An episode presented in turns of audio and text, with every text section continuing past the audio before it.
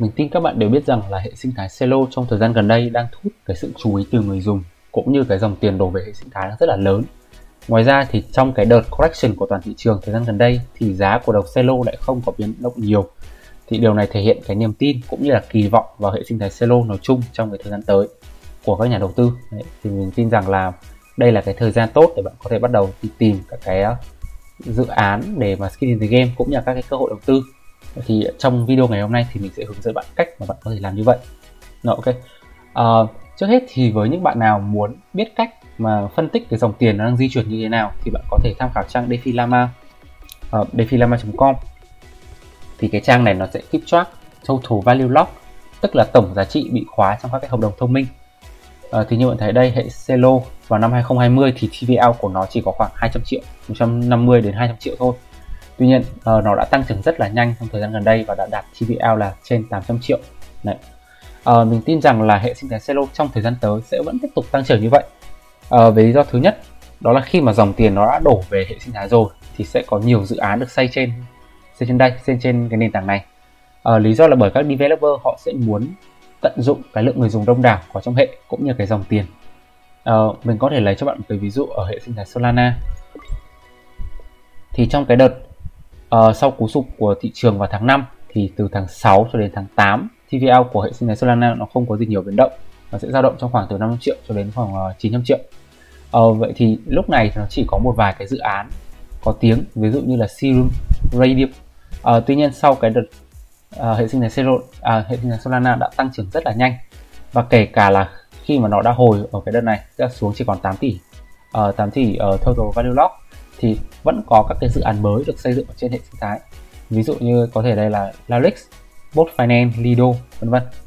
Này thì mình tin rằng là điều tương tự cũng sẽ xảy ra ở hệ sinh thái Celo trong thời gian tới. Ok tiếp theo là ở uh, Celo đã có tung ra cái gói có tổng giá trị là, là 100 triệu đô để có thể thu hút người dùng cũng như là các cái dự án. Thì uh, kết quả là nó đã đem lại một vài cái dự án có tiếng ví dụ như là F, Curve Finance, SushiSwap uh, ờ, và được xây dựng lên hệ thì mình tin rằng là các cái dự án này uh, sẽ tiếp tục là mang lại cái dòng tiền cho hệ sinh thái. Ok và cuối cùng thì Celo tương thích với EVM Ethereum Virtual Machine. Điều này có nghĩa là các cái dự án ở trên Ethereum họ có thể là chuyển qua uh, chuyển qua hệ sinh thái Celo mà không mất quá nhiều thời gian để mà viết lại code hay gì. Uh, điều này đã có thể được thấy ở các cái dự án như mình nói trước ví dụ như là F Curve Finance đều là các cái dự án được xây ở Ethereum. Đó.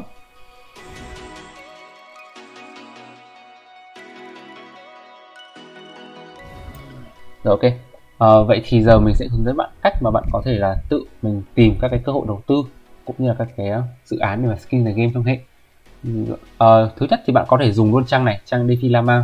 Thì giờ mình sẽ trở lại với hệ sinh thái nhé. Hello nhé. Ok. À, vậy thì nhìn tổng quan hệ uh, đề phi của hệ sinh thái Celo thì chúng ta có thể thấy là chưa có nhiều các cái nhiều các dự án và các cái mảnh ghép đề phi thì vẫn còn thiếu ví dụ như là hiện tại chỉ có Mula Market là làm về lending and borrowing Ubeswap là AMM ngoài ra còn có một cái dự án nữa đó là Mobis Finance làm cho AMM về stable asset nhưng nó không được list ở trên cái trang này. Đó còn các cái mảnh ghép như là yield aggregator ở uh, derivative thì nó vẫn còn thiếu. Đó. thì bạn có thể là theo dõi cái mảnh ghép này trong tương lai để mà nắm bắt được các cái cơ hội đầu tư nhé. Rồi uh, ok cái điểm mạnh của việc của cái trang Defilama này là bạn có thể biết chính xác cái dòng tiền nó đang di chuyển vào các cái dự án nào. Ví dụ đây Mula Market làm về lending thì nó đang có TVL được thứ hai của cả hệ. Và 7 day trên tức là cái phần trăm thay đổi. TVL trong 7 ngày nó cũng tăng khá nên bạn có thể là dựa vào các cái số liệu này mà tìm hiểu thêm về cái dự án Mula Market nhé. Đó. Ờ, tuy nhiên có một cái điểm yếu của Defilama đó là uh, như mình nói là Mobis Finance không được list ở trên đây. Thì uh, từ đấy có thể khiến cho bạn mất đi những cái cơ hội đầu tư tốt cơ hội tiềm năng để mà skin the game uh, đó thế nên là bạn sẽ phải dùng mình khuyên là bạn nên dùng các cái nguồn khác để mà bổ trợ trong cái việc nghiên cứu của mình nhé. Ok cách thứ hai đó là bạn có thể vào trang chính của Celo đó là celo.org bạn vào trang ecosystem. Thì ở đây nó sẽ liệt kê cho bạn các cái dự án theo mục ví dụ như là wallet là ví ờ, ở đề phi on Celo là phía dưới đây. Thì hiện tại bạn chỉ thấy là có hai dự án đó là Ubeswap và Mula. Thì cái cách này uh, không tốt cho lắm bởi vì nó sẽ không list quá là nhiều các dự án tuy nhiên bạn có thể yên tâm là các cái dự án đã được ở trên đây là nó sẽ rất là tốt và bạn hoàn toàn có thể tin tưởng được. Đó. ok cách cuối cùng đó là bạn có thể vào đúng cái trang ubswap đây là u, u trang nó là ubswap.org bạn chọn launch app. Sau đó bạn chọn chart. Thì cái trang này nó sẽ có các cái số liệu về ubswap cũng như là các cái token đang được uh, trade ở trên hệ ở à, trên nền tảng đây, đây thì bạn sẽ vào cái trang là token. Đó nó sẽ liệt kê cho bạn các cái uh, tài sản mã hóa các cái token đang được trade ở trên uh, thì có một vài cái tên nó khá là lạ ví dụ như là Labis, ProofCast thì đây là các cái dự án nó chưa nổi. Vậy thì đây có thể là cái cơ hội để cho bạn có thể là nghiên cứu và tìm hiểu các cái dự án này và đón đầu cái cái dòng tiền. Đó tuy nhiên cái ờ, cách này thì sẽ có một cái rủi ro đó là các cái dự án ở trên đây thì có thể là nó còn rất là mới và nó cũng còn chưa chưa khởi chạy hay là gì chẳng hạn thì bạn nên tìm hiểu kỹ các cái dự án này nhé vì nó sẽ có khá là nhiều rủi ro so với hai cái bước à hai cái cách ở phía trước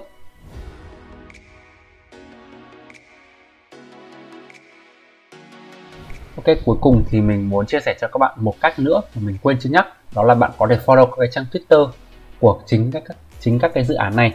Ờ, mình đã có mở sẵn hai trang Twitter ở đây đó là của Uniswap và của Mobis Finance.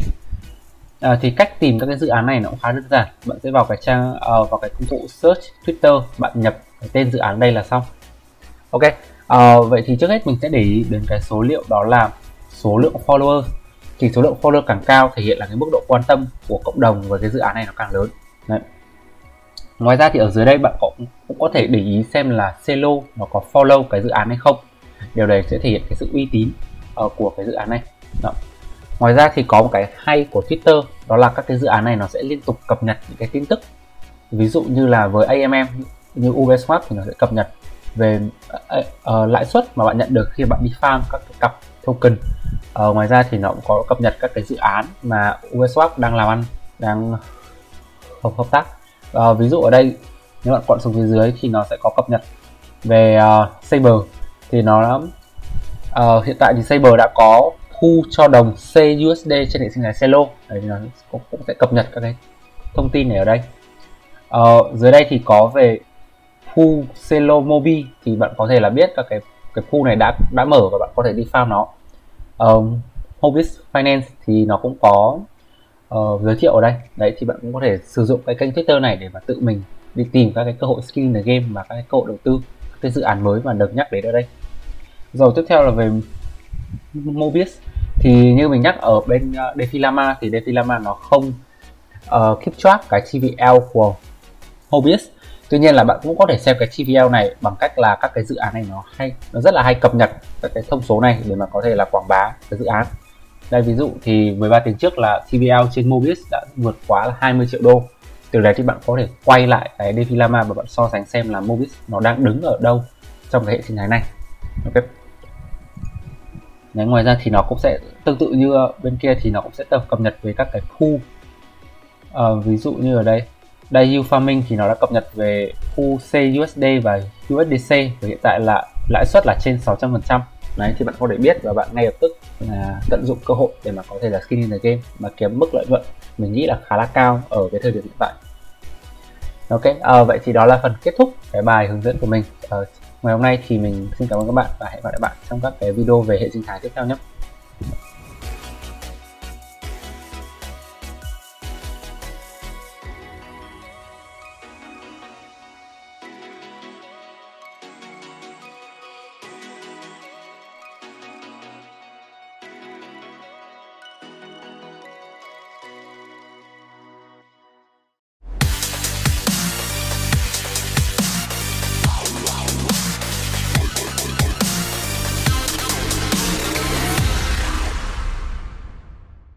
Chào mừng anh em đã quay trở lại với kênh youtube của HC Capital. Đây là một video nằm trong series những token tiềm năng. Và ngày hôm nay là một hệ sinh thái đang cực kỳ thu hút cộng đồng ở thời điểm hiện tại. Đó là Celo Celo là một blockchain được xây dựng với cơ chế đồng thuận, Proof of Stake và tương thích với máy ảo Ethereum.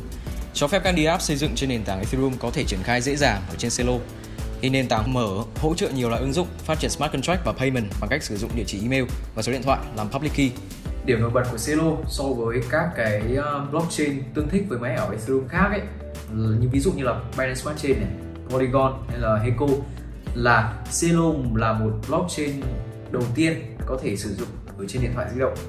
Thì Celo cung cấp giải pháp thanh toán tiền điện tử với ưu điểm là cho phép người sử dụng số điện thoại làm public key. Thì phương pháp này giúp thanh toán tiền điện tử đến gần hơn với người dùng trong cái bối cảnh mà một mét vuông 10 người dùng smartphone. Đây là một lợi thế rất là lớn và nổi trội của Celo khi mà hiện tại thế giới đang có khoảng 6 tỷ người dùng smartphone.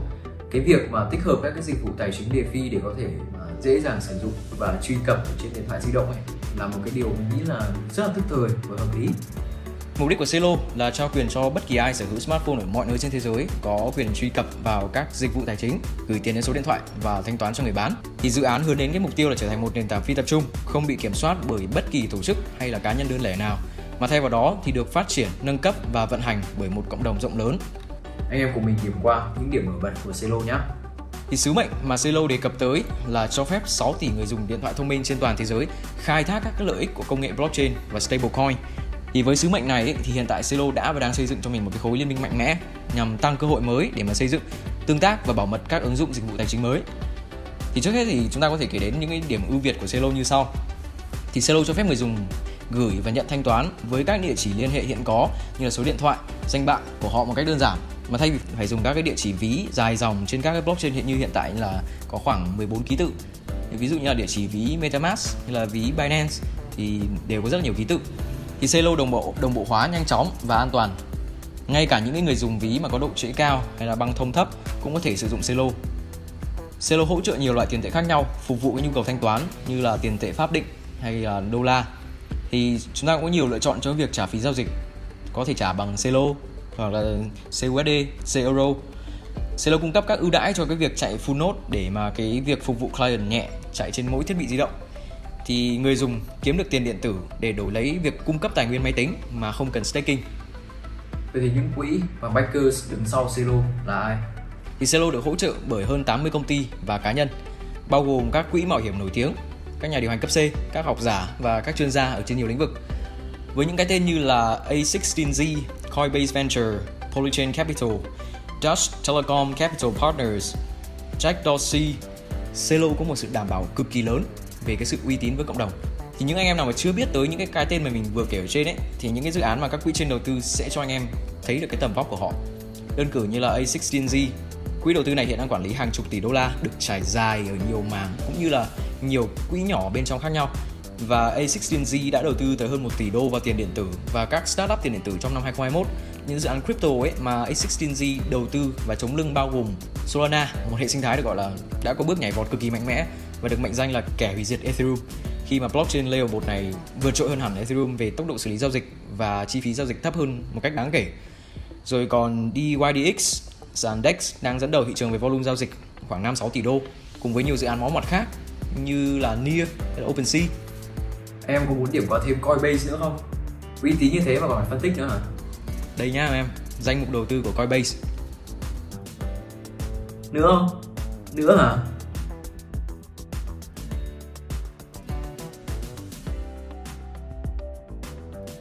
trong tháng 8 2021 vừa rồi ấy, thì uh, Celo đã có những cái bước đầu tiên trong cái việc uh, phát triển và mở rộng hệ sinh thái của mình. Bắt đầu bằng việc là chương trình DeFi Incentive Program với tổng giá trị là 100 triệu đô. Thì nói một cách đơn giản ấy, thì cái chương trình này là một cách để mà một hệ sinh thái mới lôi kéo người dùng. Các thành viên thúc đẩy dự án này có thể kể đến như là AAVE, Curve, Sushi Swap, ZeroX, UMA, Valora, Uberswap và Mula Market thì lấy ví dụ đơn giản nhất về cái việc thu hút người dùng ấy thì Polygon với chương trình là 40 triệu đô cho AAVE đã thu hút được 9 tỷ đô deposit vào chỉ sau 3 tháng phát triển. Thì con số này trên Ethereum của AAVE là 13 tỷ đô trong vòng sau 3 năm.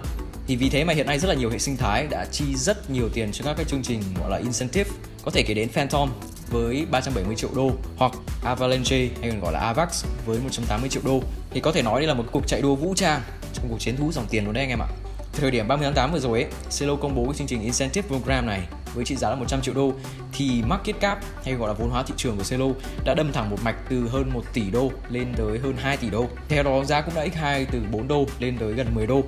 Tổng lượng tài sản bị khóa Total Value Locked của hệ sinh thái Celo cũng đã vượt qua mốc 1 tỷ đô, chứng tỏ là cộng đồng ngày càng tin tưởng vào sự phát triển của Celo trong tương lai. Thì sau đó mặc dù có điều chỉnh nhưng mà Celo vẫn giữ được cái trend tăng giá kể cả khi thị trường trải qua những cái đợt điều chỉnh khá là scam của Bitcoin mà mình vừa nói về tiềm năng và những mảnh ghép của hệ sinh thái Celo ấy thì mình sẽ nói là hệ sinh thái Celo hiện tại đang còn khá là non trẻ. Tuy nhiên thì thời gian gần đây thì có ờ, một số sản phẩm và dự án của Celo đã thu hút được rất là nhiều cái sự chú ý từ cộng đồng một số điểm anh em cần chú ý khi mà theo dõi hệ sinh thái Celo nhé.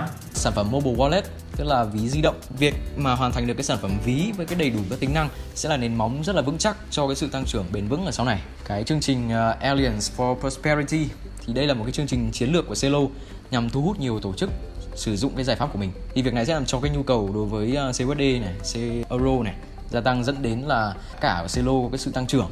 Thì do đó anh em cần theo dõi cái tốc độ tăng trưởng về số lượng cũng như là quy mô sử dụng Celo của các partners hay là gọi là những đối tác tận dụng hiệu quả chương trình DeFi Incentive Program nếu các cái nhà phát triển mà tận dụng được tốt cái chương trình này để tạo ra các sản phẩm độc đáo ấy và thiết kế đúng với cái tầm nhìn của đội ngũ thì đây cũng là một cái cơ hội để mà Celo tạo lợi thế cạnh tranh với rất là nhiều các hệ sinh thái khác ở trên thị trường hiện nay.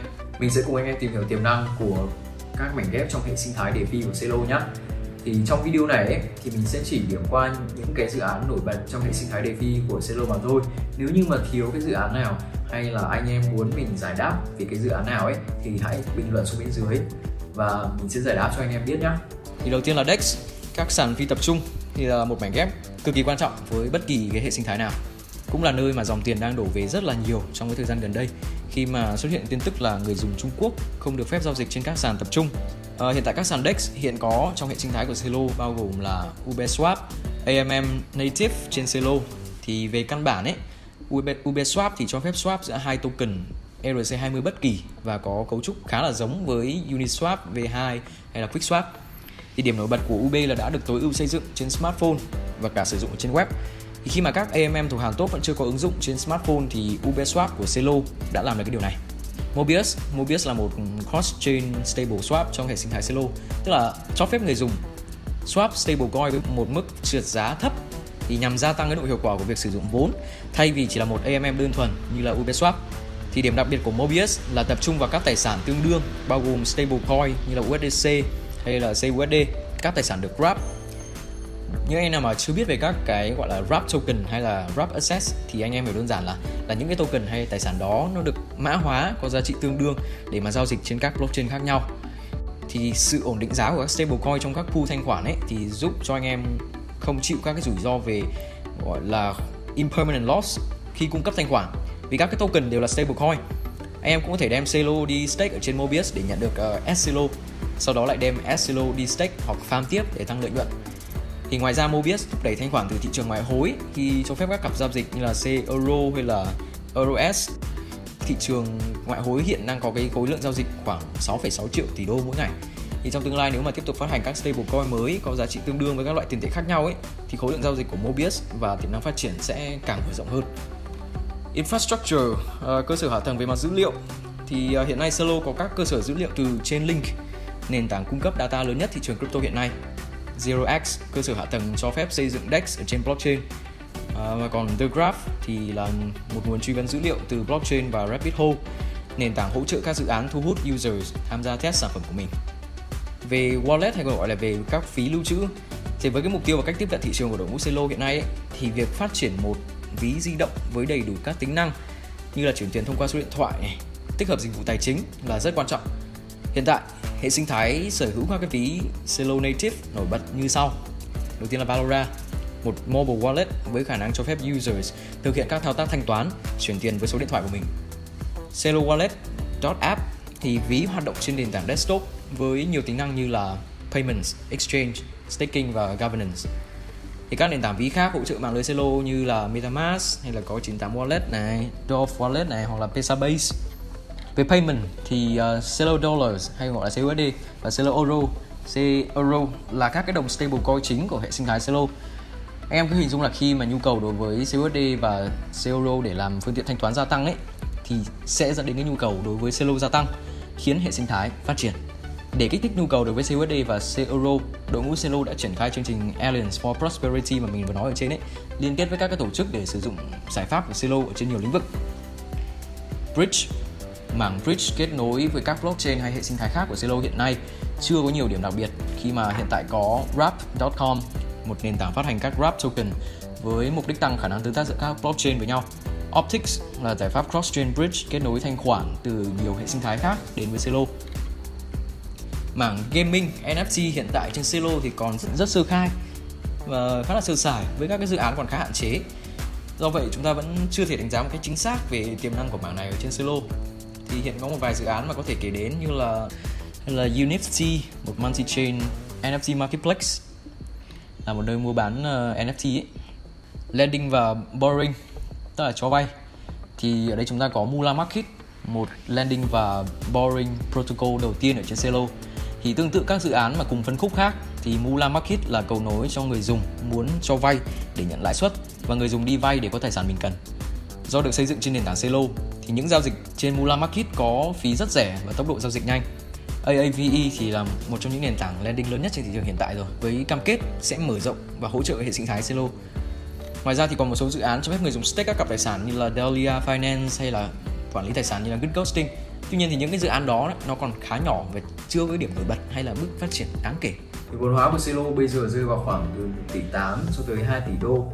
Thì anh em nhìn sang hệ sinh thái Solana ấy, thì anh em thử hình dung xem là đến một cái giai đoạn mà Celo đạt được, có được những cái mảnh ghép gọi là gần đầy đủ của một hệ sinh thái như là Solana rồi, thì vốn hóa của Celo lúc đấy sẽ như thế nào? Đúng không?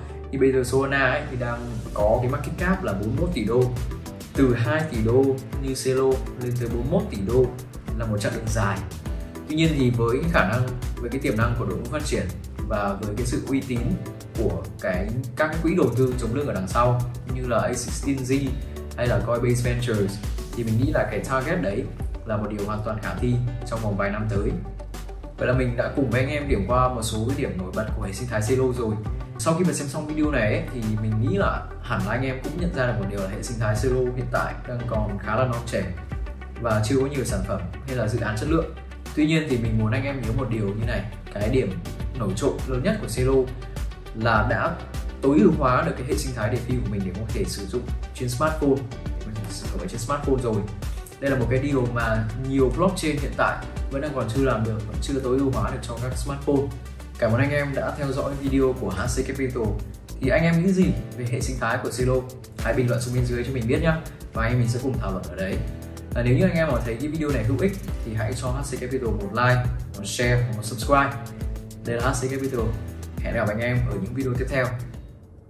Cái buổi có... cái cái buổi live zoom uh, tuần này ấy, mình sẽ view cho anh em uh, về toàn bộ cái thị trường uh, crypto. Dòng tiền nó đang chạy về các hệ sinh thái nào nó chạy như thế nào? À, tại sao à, tại sao Solana chỉ trong một tuần nó chỉ nó đã tăng từ 20 đô lên đến tầm 40 đô?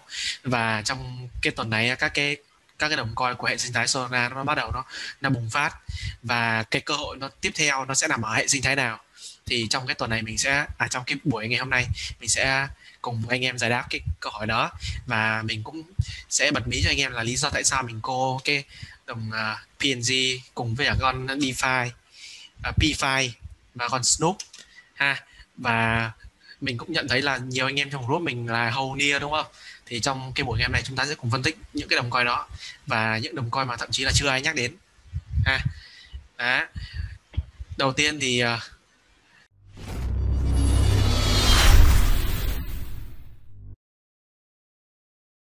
trước giờ thì anh em chúng ta đầu tư coi thì hay phân phân coi theo theo theo sector. Tức là tức là khi mà chúng ta đầu tư đầu tư coi chúng ta sẽ biết là đồng coi đó nó làm cái gì đúng không? Ví dụ như là ngày xưa chúng ta đầu tư link là chúng ta mới biết là đồng coi link này nó làm về oracle đúng không? Là data về giá đúng không? À, mọi người lên search link ở trên coineco thì chúng ta thấy được cái thẻ cái thẻ mà coineco họ gắn cho cái đồng trên link này nó có một cái thẻ là oracle đây chính là cái thứ mà đồng coin làm chính. Ha, thì đó là cái mình, khi mà mình mình bấm vào cái Oracle này, thì Coico nó sẽ dẫn cho mọi người đến một cái trang rất rất nhiều dự án cũng làm về Oracle. Ví dụ như như Ben, ví dụ như DIA đúng không? TRB và ngày xưa chúng ta đầu tư coi á, theo cái sector á, thì chúng ta sẽ nhận ra được một con ở đó là con first mover, tức là cái con đầu tiên dẫn chen dẫn cái chen của của um, thời điểm đó. À, cái thời điểm mà link nó tăng á là cái thời điểm mà DeFi bắt đầu dục dịch và nó chưa hẳn là chen đâu. Thì uh, đợt đó link đâu đó khoảng tầm có 2 đô mấy 3 đô thôi và nó tăng lên đến cái mức như hiện tại là 40 đô. Thì uh, cái cơ hội khi mọi người nhìn vào link á thì mọi người sẽ một á là mọi người sẽ sẽ, sẽ để ý, để ý những đồng coin cũng làm giống link thì đợt đó chúng ta đã mua được Ben đúng không? TRB đúng không? Hay là đồng DIA đúng không? Việt Nam mình sẽ mua rất rất nhiều những cái đồng coin như này. Đó là cái cách mà chúng ta sẽ đầu tư theo sector. Tức là chúng ta nhận ra chen của một đồng coin nào đó nó làm thành công thì chúng ta chúng ta bắt lấy cơ hội bằng cách là một là đầu, đầu tư tiếp vào đồng coin đấy, hai là đi tìm những cái đồng, dự án khác nó làm cùng cái bảng đó nhưng mà nó có tiềm năng tăng trưởng tốt hơn, nó vốn hóa nó còn thấp, ít người biết đến thì đó là cái cách mà mà mọi người đã hồi xưa đi đầu tư theo cái sector đó đó, thì mình sẽ viết vào cái thì mình sẽ viết vào cái mind map ở đây. Thì hồi xưa chúng ta có đầu tư theo sector đúng không? Và bây giờ chúng ta sẽ có một cái nữa rất là quan trọng mà mình nghĩ là anh em nếu follow viên coi 98 á thì mình sẽ biết được uh, mình sẽ sẽ nhận ra được cái cái trend này sớm hơn. Đó là chúng ta sẽ đầu tư theo hệ sinh thái ha. Tại sao tại sao lại đầu tư theo từng hệ sinh thái?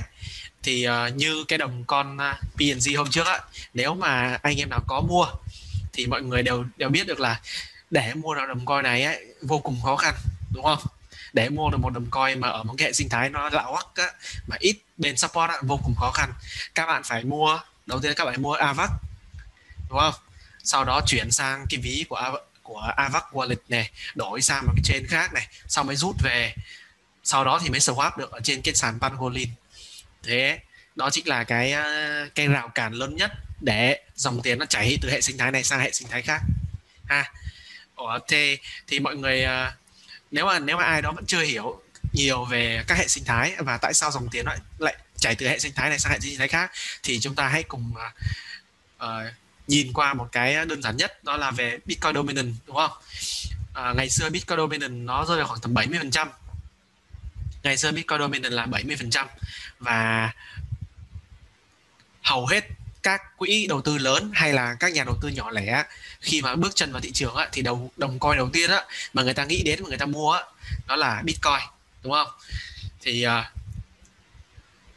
thì các cái hệ sinh thái này cũng thế. À, đầu tiên là người ta sẽ đầu tư vào Bitcoin đầu tiên hoặc Ethereum đầu tiên.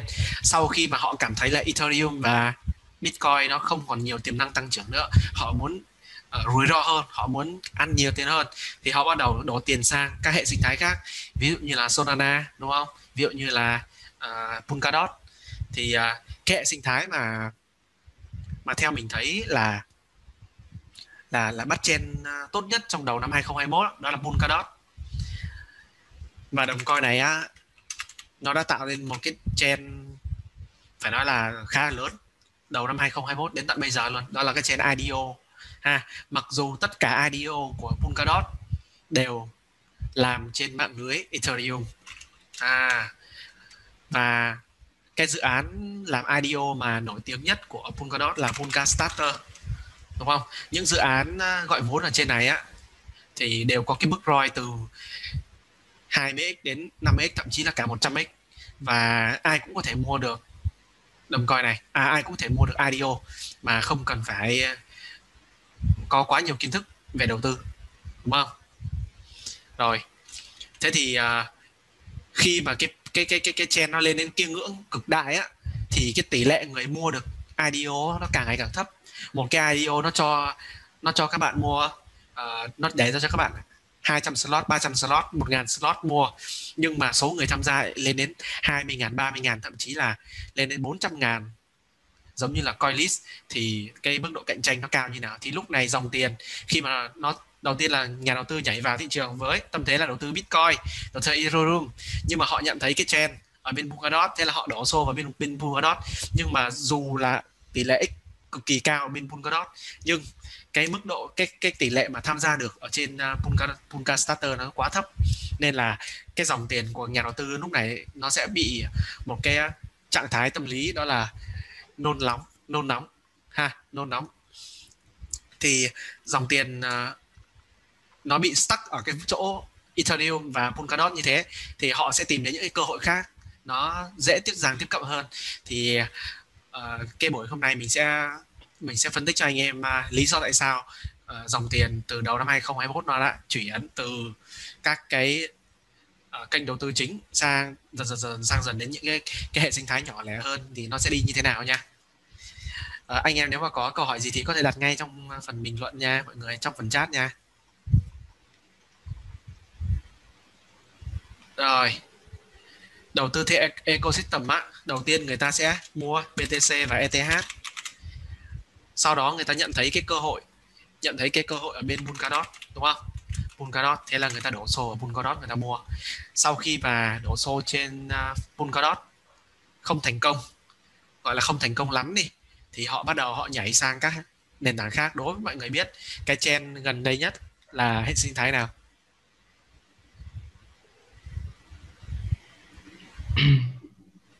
BSC chính xác. chính xác chính xác. Chính xác là BSC ha tại sao thằng BSC này nó lại trở thành cái trend lớn sau lớn nhất ở thời điểm hiện tại sau Polkadot? Thứ nhất là nó đã có một cái hệ số lượng người dùng có sẵn rất là lớn. Nó không phải mất công phải làm marketing lại từ đầu. Ha đấy là cái thứ nhất. Cái thứ hai là cái phần code của nó nó bê hoàn toàn từ bên Ethereum qua. Nó không phải code lại từ à, một cái một cái chain mới. Ngày xưa Binance á họ họ họ à, họ làm chain á là họ làm cái Binance Chain. Binance Chain chứ không phải Binance Smart Chain. Và cái mã token của nó là BEP2 và cái à, cái cái địa, địa chỉ ví của cái đồng của cái trên này á nó là BNB này gạch ngang này một cái đống cái mã số đằng sau như thế này. Và hoàn toàn không không có nhiều DApp có thể chạy được trên cái Binance Chain này. Nên là Binance họ muốn bắt chen cái thời điểm Polkadot nó lên á là họ clone hết hoàn toàn toàn từ Ethereum qua cái Binance Smart Chain. Đó, đó là cái hướng đi của tụi Polkadot. Thì mình đánh giá là đây là một cái hướng đi tương đối tốt. Mặc dù là về technical á, là nó hoàn toàn không có không có gì cải thiện so với cả Ethereum ví dụ như là tốc độ đúng không? Phi thấp là bởi vì số lượng người số lượng người dùng uh, chưa nhiều bằng Ethereum là cái thứ nhất. Thứ hai là cái đồng BNB giá nó còn giá nó còn thấp. Ha nếu mà nếu mà BNB mà nó tăng lên tầm 2.000 đô như ETH á, thì phi nó cũng không không khác gì Ethereum hiện tại cả. Ha. Rồi có nhiều bạn nói về NFT thì một lát nữa mình sẽ nói về cái NFT ha. NFT thì nó sẽ nằm trong cái mục đầu tư theo sector như này. Lúc nãy chúng ta có nói là sector thì có Oracle đúng không? Oracle này. À, hồi xưa thì có trên IEO thì chúng ta có cái cách đầu tư coi sàn đúng không? Coi sàn là sách token đúng không? Bây giờ thì chúng ta có trên nữa là NFT rồi. Ở anh em vui lòng không ờ, không vẽ bậy lên màn hình nha. Ok. Dòng dòng tiền hiện tại đang đổ vào BSC đúng không? Đó là cái chúng ta dễ nhận thấy nhất. Thế thì uh, cái cơ hội của chúng ta nó nằm ở trên BSC vẫn có ha vẫn có nhưng mà không nhiều. Thì uh, uh, nếu mà các bạn đầu tư BSC ấy, thì vẫn còn rất rất là nhiều cơ hội nhưng mà nhưng mà nếu nếu mà chúng ta muốn chiến thắng và ăn ăn thật lớn á thì trên BSC sẽ hơi khó đúng không? À, dễ nhìn nhận thấy nhất ở gần đây á BSC gần đây thì uh, các bạn có thể thấy là có cách đúng không? Cách đã tăng một cú quá lớn. Và nếu chúng ta bây giờ chúng ta đầu tư vào cách thì cái tất nhiên là nó vẫn có thể tăng x2 đúng không? Nhưng mà các bạn tưởng tượng như nếu mà bị con cách nó tăng đến x2 ấy, thì những coin nền tảng khác á, nó có thể x3 x5 lần rồi. Nên là cái à, tiềm năng của các hệ sinh thái khác là lớn hơn. Cái này thì sẽ là cái bài toán phân bổ vốn nữa đúng không? Giả sử các bạn có 100 ngàn đi nếu các bạn muốn chơi ăn chắc thì các bạn có thể đầu tư 70% 80% vào BSC và 30% các bạn sẽ dùng dành dành cho cho những cái nền tảng khác mới, nổi lên hơn. À thì cái thằng mà tiếp theo dễ thấy nhất gần đây, cái thằng thứ hai mình muốn nói đó là Solana thì tại sao Solana lại là cái thằng thứ hai mà không phải là Avax hay là tại sao Solana lại không phải là là thằng thứ hai mà không phải là Avax hay là Nia mọi người biết tại sao không? Ai đã ai đã từng sử dụng ví của Solana ví Avax và ví Nia rồi cho mình ờ, một vài nhận xét được không?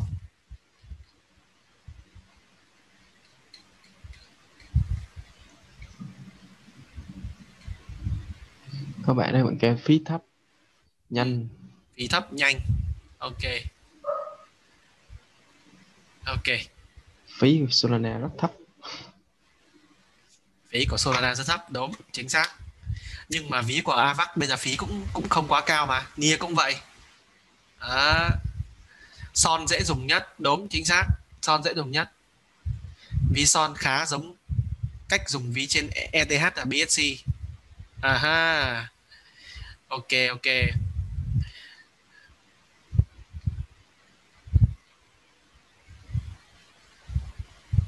Rồi. Solana không phải là một cái ví dễ dùng nhất. Ha. À, nếu mà ai đã từng sử dụng cái ví Solet của nó thì mọi người đều biết là một ví một ví Solana thì có thể tạo ra rất rất là nhiều địa chỉ ví khác nhau cùng lưu giữ một đồng token duy nhất là đồng son.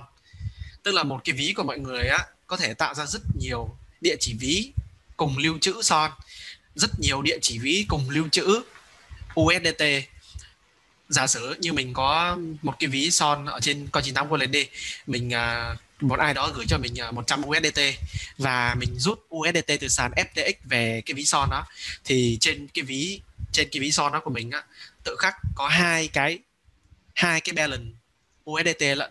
Một cái balance USDT là 100 USDT bạn mình gửi và một cái USDT khác là từ sàn FTX chuyển qua. Hai cái đồng USDT đấy nằm ở hai địa chỉ ví khác nhau nhưng mà lại cùng trên một cái ví Solana mỗi một token ở trên ví của Solana lại có một địa chỉ ví nhận khác nhau.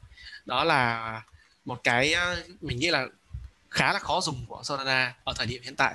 À, nhưng mà lý do tại sao Solana nó bùng nổ nổ nhanh như thế đó là nó không có entry barrier giống như là Avax ví dụ như Avax các bạn muốn uh, sử dụng trên Pangolin các bạn phải swap qua swap lại rất nhiều bước thì các bạn mới có được cái đồng token của cái blockchain của Avax để các bạn có thể sử dụng trên Pangolin còn đối với Solana thì không.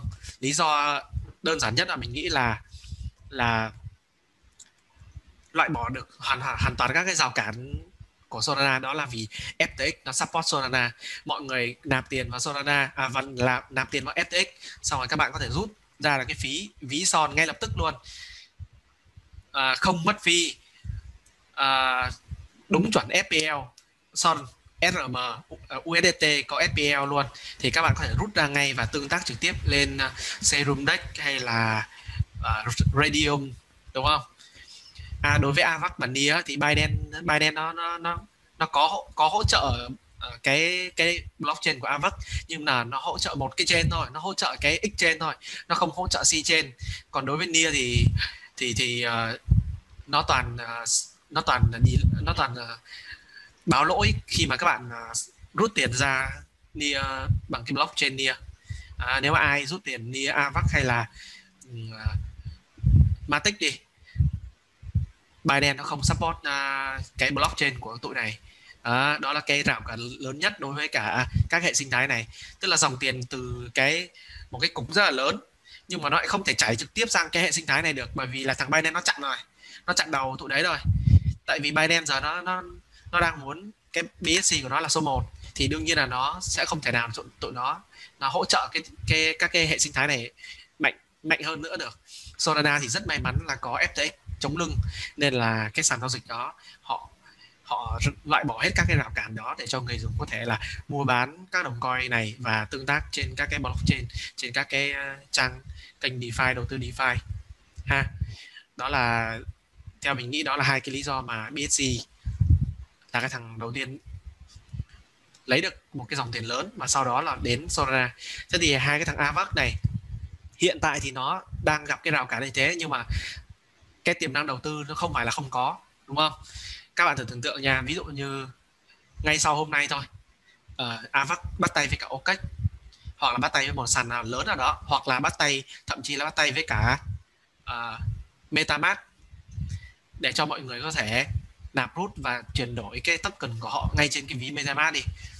Thì đối với vị trí người dùng à, như chúng ta thì à, gần như là các cái rào cản vừa rồi á, sẽ bị loại bỏ hết và người dùng có thể đầu tư vào các cái hệ sinh thái này rất dễ dàng hơn rất là nhiều. Thì lúc này á, dòng tiền nó sẽ chảy cực kỳ nhiều vào hai cái hệ sinh thái này đúng không? Lúc đó thì à, các đồng coin vốn hóa 3 triệu đô á, thì giả sử một đồng coin vốn hóa 3 triệu đô đi mà được uh, một dòng tiền khoảng tầm 10 20 triệu đô rót vào thì mọi người thử nghĩ xem là đồng coin nó sẽ x bao nhiêu lần. Đúng không? Rồi thế thì ngoài à, uh, BSC và Solana hiện tại ấy, thì ngoài uh, ngoài mấy cái đồng coin này ra thì còn uh, hệ, hệ sinh thái nào khác nữa không? Thì mình phải nói thật là còn rất rất nhiều hệ sinh thái mà Việt Nam mình uh, các bên khác họ không siêu. Ha Việt Nam mình thì à, ví dụ như là các cộng đồng lớn hiện nay thì có coin 98 này HC này chơi coi Việt Nam thì thì hầu hết mọi người đều đang tập trung vào các hệ sinh thái này.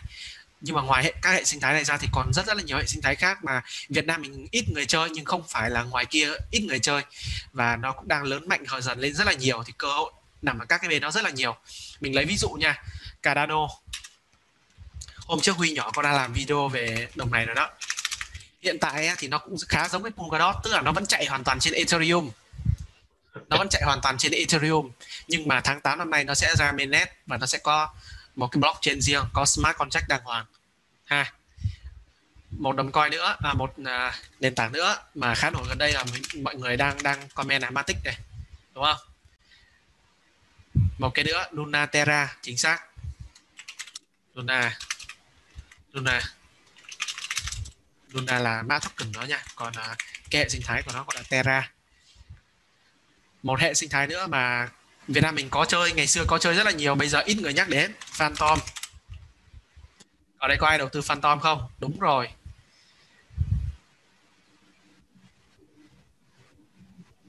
Rồi Phantom ngoài Phantom ra còn con gì nữa không? À, ngoài Phantom ra còn có Thor trên. Thor trên uh, là con Rune đó. Đó. Thor trên bây giờ đã có Thor Starter rồi là cũng có nền tảng gọi vốn giống như là uh, Pulka Starter đó. Thor trên nha. Cardano cũng có cả Starter rồi. Phantom cũng có rồi. Đấy. Rồi uh, ngoài mấy con này ra còn có Chon. Còn gì nữa em? Tomochain à Tomochain đúng rồi. Tomochain hàng Việt Nam chất lượng cao nha. Tomochain Trời thiếu con ruột của em Rồi. rồi. Có một anh em à, nói là Definity. Definity thì, thì mình thì mình không không nghĩ là nó là một cái à, ờ, một cái một cái trên tiềm năng à, trong thời trong tháng này mà nó làm cơ hội siêu tiềm năng trong tháng này. Lát nữa mình sẽ nhắc đến con Definity nha Atom anh. Atom anh con ruột em. Con này khả năng khả năng ngày 7 tháng 5 này lên sàn nó sẽ nó sẽ lọt luôn top 10 vốn hóa thị trường. Khả năng là cao là như thế. Một đồng coin mà chưa ra thấp ý là chưa chưa lăn token ra ngoài thị trường nha mà đã có full hệ sinh thái rồi. Trời đất ơi. Đây Definity mọi người có thể check ở trên cái trang Definity app này. Đó nó đã có đây là full hệ sinh thái đó này à, Motoko School này. Đây có đây DeFi Starter này. Đã có DeFi Starter rồi nha. Đây anh em thấy chưa? Anh em thấy cái DeFi Starter chưa? Đây chứ đây chứ. Rồi ICP Swap này. Nó đã có trang swap rồi. À, cơ hội nằm ở đây chứ đâu cơ hội uh, của những con mà chưa giá thì nó sẽ có nằm nó sẽ có hai hướng để mọi người có thể đầu tư. Thứ nhất á là lúc mà lên sàn á tính xem là cái cái cái vốn hóa của nó là bao nhiêu. Thường là coi Echo hay là coi coi market cap á, nó sẽ tính nó sẽ chưa có số liệu ngay thì mọi người phải vô cái white paper của nó đọc xem là tổng cung nó bao nhiêu. Giả sử tổng cung của nó là trăm triệu đồng này mà lên sàn giá nó nó đo 0,1 đô tức là fully diluted cap của nó khoảng 10 triệu đô thì mọi người đánh giá nó là thấp thì mọi người thể múc luôn. Đúng không? À, cơ hội thứ hai mà dành cho những anh em vốn thấp á, thì có thể là tìm hiểu những dự án như này và làm à, và làm à, airdrop làm à, kiểu testnet này kia đó làm Aerob các thứ. Thì anh em à, có thể hên xui có thể nhận được cái đồng token của tụi này. Đó. lấy một ví dụ đơn giản nhất là à, hệ hệ hệ avalanche luôn nha hệ avax luôn nha. Tuần vừa rồi có con à, à, có một con uh, mã con là bác á là nó đây này con này này. Con à, này nó làm sàn đây này. Tuần vừa rồi thì nó có airdrop cho những người sử dụng nền tảng của nó. Nó airdrop 7.500 đồng tương đương với khoảng à, 3.900 đô. Tức là mọi người chỉ cần lên swap phải lệnh thôi là auto có 3.000 đô trong ví. À, nhưng mà tất nhiên là những cái dự án này nó sẽ không báo trước cho mọi người là là nó sẽ có airdrop đâu ha mà mọi người phải phải thử. Đây là con này này đó. Cơ hội trong ngành này có rất là nhiều. Đấy. Rồi. Ngoài à, ngoài mấy hệ này ra thì còn hệ nào nữa không? Anh em à, có cái tên nào có thể đặt, nhắn lên giúp mình được không? Cosmos anh Atom. Đúng rồi Cosmos. Chính xác Cosmos này. Cosmos Atom này. Uh, Kava này Heco Chain này. Rồi uh, có thêm cả ban trên á. À, rất là nhiều. Mà những cái tên dở dưới á nếu mà mình dành thời gian này mình tìm hiểu thì nó nó rất là mất thời gian. Thế thì uh, cái cách mà mình sẽ đầu tư theo từng hệ này sẽ như thế nào? Đầu tiên là mọi người sẽ phải lập cho mình một cái map giống như thế này để để mọi người có thể view toàn bộ cái hệ sinh thái của chúng ta hiện có hiện nay đúng không? Những thằng nào mà đang được nhiều người quan tâm hiện nay những thằng nào đang đang lớn mạnh dần thì mọi người sẽ phải có một cái bức tranh tổng thể như này. Rồi sau đó mọi, mọi người sẽ cần thêm hai cái công cụ nữa để follow. Đầu tiên là chúng ta sẽ follow về giá đúng không? Và cái thứ hai là chúng ta sẽ follow về tin. Follow về giá thì mọi người có thể tạo cái watchlist ở trên CoinGecko cái này thì bên Coin98 đã có hướng dẫn rồi. Thì chúng ta có thể tạo một cái portfolio ở trên Coin98 như thế này. Sau đó chúng ta uh, add những đồng coin trong hệ sinh thái. Ở đây mình có tạo một cái hệ sinh thái của Solana này thì mình có add vào đây là Solana này, Radium, Serum này. Đó thì mọi người là có một cái list như này rồi á, thì mọi người có thể quan sát giá nó sẽ tốt hơn. Ở trên uh, có cái cô á, họ gắn tác chưa đầy đủ lắm. Ví dụ như là con Phantom á hiện tại hệ sinh thái của nó đã tương đối đầy đủ rồi nhưng mà ở trên đây họ chưa có cái tác là Phantom Ecosystem. À, họ vẫn định nghĩa là Phantom nó chỉ là một cái smart contract platform bình thường thôi à, làm infrastructure thì nó cũng giống CTSI á. À, nó chưa có cái hệ sinh thái của nó đây. Đấy. Thì đó là cách chúng ta sẽ follow về giá. Còn follow về tin thì sao? Follow về tin thì uh, mình đã có tạo cái list ở trên uh, Twitter rồi. Mọi người có thể lên Twitter gõ là margin ATM xong rồi tìm cái list nó như thế này. Thì mỗi một cái danh sách ở đây á mà thì mình đã add uh, tương đối đầy đủ các cái dự án của trong cái hệ sinh thái đó. Ví dụ như còn uh, hệ sinh thái của Avalanche này thì mình đã có uh, những cái đồng uh, những cái dự án như là Pangolin Finance này. Con này thì từ cái NG ờ, mình có đưa cho mọi người ở trên channel VIP á, thì đến bây giờ nó đã đâu đó khoảng tầm x2 x3 rồi. Ha Snowball này cũng thế cũng x2 x3 rồi. Đó, ZT Swap này là một con mà mà hôm hôm trước mình có định kêu mọi người mua luôn á. Nhưng mà nếu mà ai đó đã mua Pencolin thì thì thôi. Còn nếu mà các bạn chưa thì các bạn có thể thử tìm hiểu cái con ZT Swap này nó khá là giống khá là giống pancake swap của BSC đấy. Đây để cho mình cho mọi người coi nha. ZT Swap mọi người bấm vào cái Twitter của nó thì lúc nào nó cũng sẽ để cái link dự án đây này. Bấm vào là sẽ thấy. Rồi lăn app nha bấm lăn app thử xem. À giống uh, giống uh, Uni Uniswap Uniswap giống Uniswap à đó. rồi có con BenQ này hôm trước làm IDO này mọi người có để ý con BenQ làm idiom chưa trước không? Đấy. Thì đó là cách mà chúng ta sẽ follow về tin tức. Đấy. Còn là về cụ thể entry con nào có mua được không á, thì mọi người có thể lên telegram của Margin ATM hoặc là uh, đặt câu hỏi hoặc là mọi người có thể comment ở dưới youtube.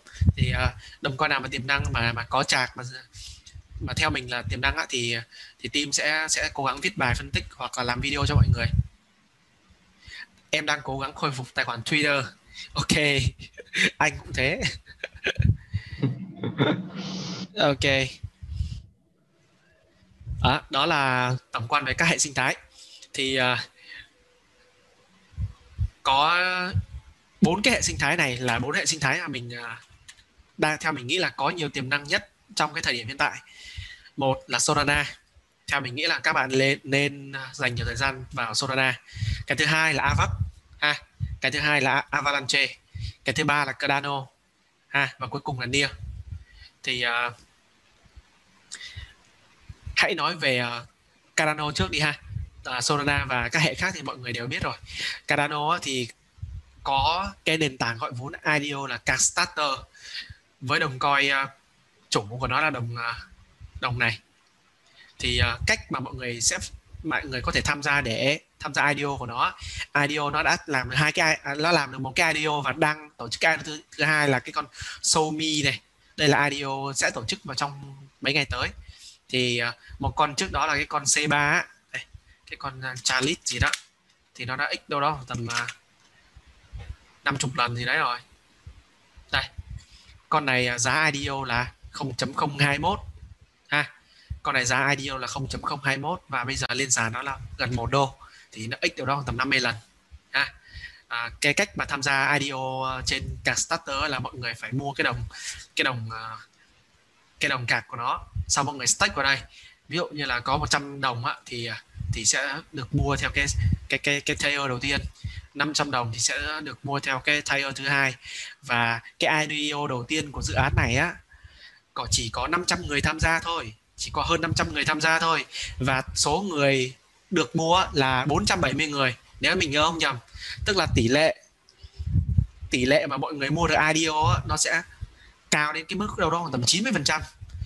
Tức là nó gấp tỷ lệ mà mọi người mua được nó nó, nó cao hơn cái bên Pulga Starter nó rất rất là nhiều.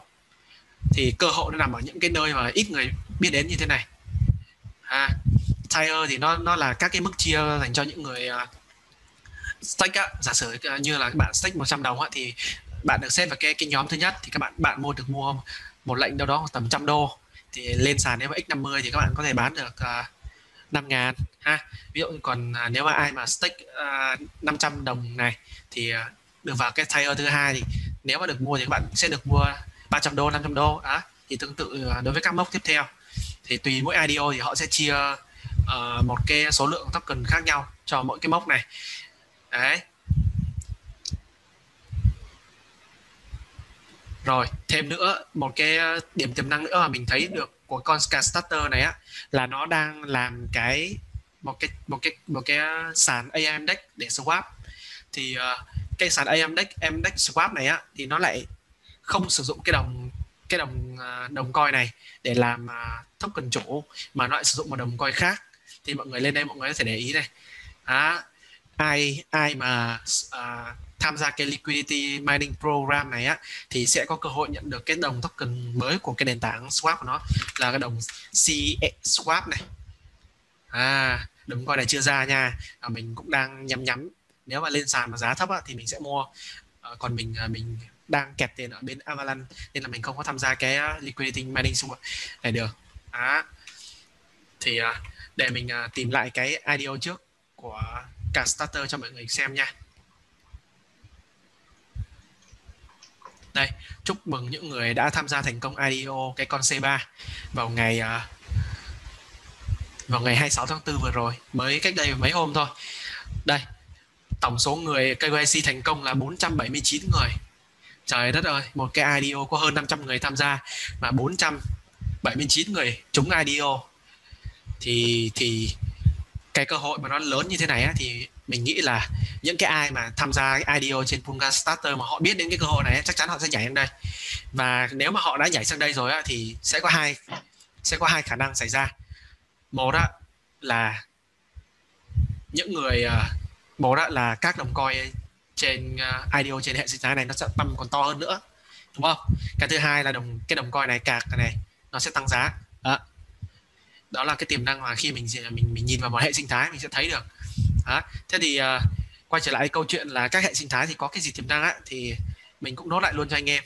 Đầu tiên á đầu tư vào một uh, cái hệ sinh thái này thì cái cái điểm tiềm năng đầu tiên á nó sẽ là cái đồng coi chủ của hệ sinh thái đó đúng không? Ví dụ như là Phantom đi. Phantom uh, cái đồng coi FTM này tuần vừa rồi nó tăng gần như x2 x3 đó. X2 x2 đó thì, khi mà mọi người nhìn thấy những cái cơ hội như thế thì mọi người đầu tiên là mọi người sẽ múc cái đồng coi chủ trước. Tiếp theo cái cơ hội thứ hai để mình đầu tư uh, cho cái hệ sinh thái này là mình sẽ đầu tư vào AMM Dex à, mình sẽ đầu tư vào AMM Dex đối với cả Phantom này thì nó đang có một cái ờ, uh, AM Dex mà mình cũng đang nhắm á đó là con Spirit. Ha Phantom ecosystem này. Hôm nay thì mình có thử swap uh, à mình có thử rút Phantom ở trên FTX qua thì ờ, thì thì Binance Binance với FTX nó không cho rút cái cái cái cái FTM mainnet của đồng coin này. Sau rồi mình lại phải chuyển qua mấy cái ví khác để để để để, để chuyển để đổi trên á. Trời đất ơi đây Spirit Swap này. Đó, anh em nên follow xem thử nha. Giá mà thấp là múc. Đấy AM Index thì ờ, đầu tiên là coi chủ đó thứ hai là AM deck này. Thứ ba là các con làm landing borrowing. Borrowing. Theo mình thì à, theo mình thì à, đây là ba cái mảnh ghép mà quan trọng nhất đối với một cái hệ sinh thái DeFi. Thì à, nếu mà một dự án mà nó ra những cái như thế này á, thì chúng ta nên nên đầu tư. Với con Solana hôm trước á, mọi người có cái IDO là cái con uh, media đúng không? Cái con đó nó không phải nằm trong những cái nằm trong những cái bảng này. Nên là tham gia IDO thì được nhưng mà mọi người không nên đầu tư cái con đó. Đấy, con media. Ấy. Đấy, con này không nên nha đó. rồi con đó làm à, về video á. Nó làm content distribute. Step benson thì sao ạ à? ok step benson thì uh, khá là ổn. Nó làm uh, nó giống như là view aggregator view aggregator á nhưng mà à, ví dụ như là view aggregator thì nó phải cắm vào một cái thằng nào đó làm lending borrowing đúng không? Thì à, thì bản thân là à, bên Solana cái này nó chưa mạnh lắm. Nếu mà có một cái thằng đó làm nào đó làm cái này thì chắc chắn là step sẽ sẽ tăng sẽ tăng trưởng mạnh. Ha đó. Ví dụ như step đi à, nếu anh em nào follow step mà cái hôm đầu tiên nó lên sàn á thì đều đều biết là cái giá cái giá IDO đầu tiên là cái giá mà khởi điểm đầu tiên đó, nó là 0.05 đô. 0.05 đô mà lên sàn. Lúc đó là hơn một đô. Giá lúc lên sàn là hơn một đô và lưu thông lưu thông cái ngày đầu tiên của chợ trên sàn đó, nó chỉ có 4 triệu thôi. Thì uh, vốn hóa thị trường của đồng step cái hôm đầu tiên list sàn đó, nó rơi khoảng tầm 4 triệu đô. Thì uh, nếu mà chúng ta đầu tư vào son và để ý follow kỹ những cái tin tức mà những cái gì mà họ build những cái gì họ làm những cái gì mà họ họ nói trên Twitter họ partner với những ai họ đang chuẩn bị làm cái gì thì cái giá 4 triệu đô định giá mình mình nghĩ là quá thấp. Thì chúng ta phải bắt lấy cơ hội ngay để múc múc ngay. Và và bên bên mình á, thì cũng có một số người múc à, cái con này lúc đâu đó tầm 1.6 đô á, lúc mới lên sàn cơ. Lúc đó còn chưa lên coi cái coi cái cô là cái khúc trước khúc này này. 1.6 đô và lên đâu được đâu đó tầm 6 7 đô thì xá à, thì tầm x3 x4 thì đó. Là cơ hội thì chúng ta nên biết cách để nắm bắt như thế. Cô Kono là làm à, uh, landing borrowing cho Polkadot ha. Nhưng mà theo mình nghĩ thì uh, Polkadot đang delay như này thì uh, thì thì, thì Kono cũng bị ảnh hưởng ít nhiều ha. Uh, tính ra là Kono làm khá là tiềm năng và làm chất lượng á nhưng mà đang đang bị vướng cái chỗ là thằng à, uh, Polkadot nó đang delay. Đó.